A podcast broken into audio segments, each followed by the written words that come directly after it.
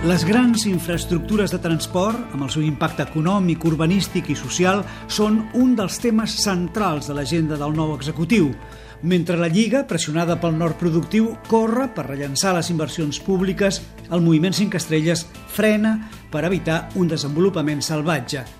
No hi ajuden tampoc les lleis farragoses, la burocràcia ni el control anticorrupció per por d'infiltracions mafioses. I tot plegat atura les anomenades grans obres – Gabriel Ebuya és el president de l'Associació Nacional de Constructors. Tots els recursos assignats per la llei pressupostària no es fan efectius fins després de 5, 6 o 7 anys. És impensable que un país com el nostre, que es basa en el creixement a través de la inversió en infraestructures, pugui tenir temps bíblics com aquests.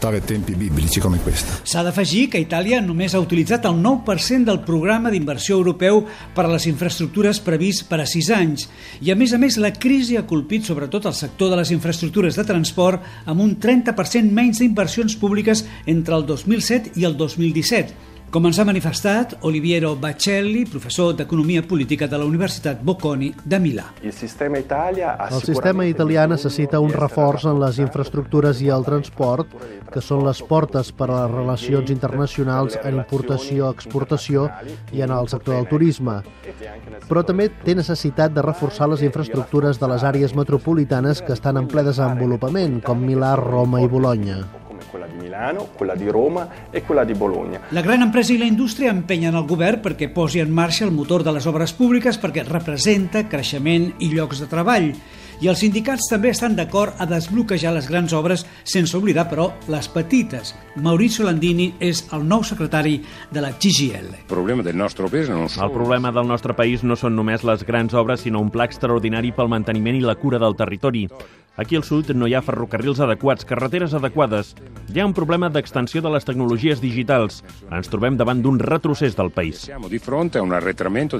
Són una trentena les grans infraestructures aturades o que mai han començat a caminar a Itàlia.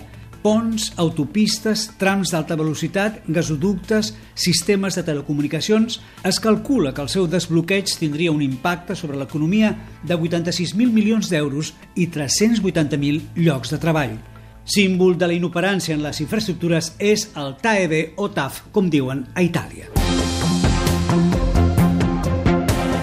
El tren d'alta velocitat Turilio és un projecte nascut als anys 90 amb l'objectiu de crear un enllaç ferroviari als Alps, entre Itàlia i França, per afavorir el transport comercial en tren. Avui més del 90% de mercaderies viatgen per carretera. El projecte forma part de l'estratègic enllaç ferroviari de mercaderies del sud d'Europa que uneix l'eix París-Corredor Mediterrani amb el centre-est d'Europa. El 90% dels 160 quilòmetres de la línia haurien de córrer sota terra. El túnel principal entre els dos països és de 58 quilòmetres. El cost certificat de l'obra, 8.600 milions d'euros. La Unió Europea garantirà el 40% de les despeses. Itàlia pagarà 3.000 milions. El projecte actualment està en fase d'implementació, però les adjudicacions estan congelades des del 2018. Des de bon començament, el TAEB ha tingut una forta oposició dels grups ecologistes que afirmen que el túnel tindria un impacte ambiental i paisatgístic nefast i un cost excessiu.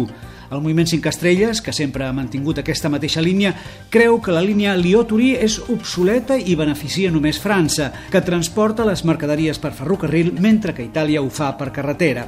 Els Grillini, en canvi, són partidaris d'invertir en trams ferroviaris locals o fer el manteniment de les velles infraestructures que, com el pont de Gènova, cauen a trossos. Oh, Dio santo! L'anàlisi que acaben de presentar els tècnics de la Comissió Costos-Beneficis, designat pel ministre d'Infraestructures i Transport Danilo Toninelli, del Moviment 5 Estrelles, ha confirmat que el TAEB no s'ha de fer, que és una inversió inútil i costosa, L'informe tècnic, que ha estat molt criticat per falta de neutralitat, no ha acabat de convèncer el líder de la Lliga, Matteo Salvini. Si haig de gastar 4.000 milions dels contribuents italians per acabar l'obra, són diners ben usats. Si haig de gastar 4.000 milions per tornar a omplir els forats excavats en els últims 5 anys de feina, em sembla demencial. Tot el contrari pensa Luigi Di Maio, líder dels Grillini. Quan tots els senyors que en aquests anys han donat suport a Renzi i Berlusconi, que han deixat el país en aquestes condicions, comencen a donar suport a una obra inútil com la Turí-Lió, el moviment 5 estrelles és partidari d'una altra cosa, de les obres útils, de la part del poble italià. Mentre el moviment sigui al govern, la Turí-Lió no tindrà història, no tindrà futur. Non ha storia, non ha futur. Mentre la Comissió Europea espera respostes ràpides, que el projecte TAEB es completi i que Itàlia respecti els acords, el govern de Roma dona llargues a l'assumpte.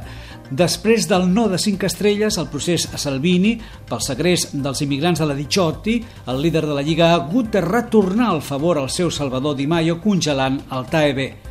El destí del tren ràpid Turilió, que s'ha de votar al Parlament, s'alenteix. Es decidirà després del resultat de les eleccions europees, quan s'aclareixin els equilibris polítics a Itàlia, França i Europa. És un reportatge d'Eduard Rubió amb muntatge musical de Jordi Galbany disponible al podcast del Mapamundi.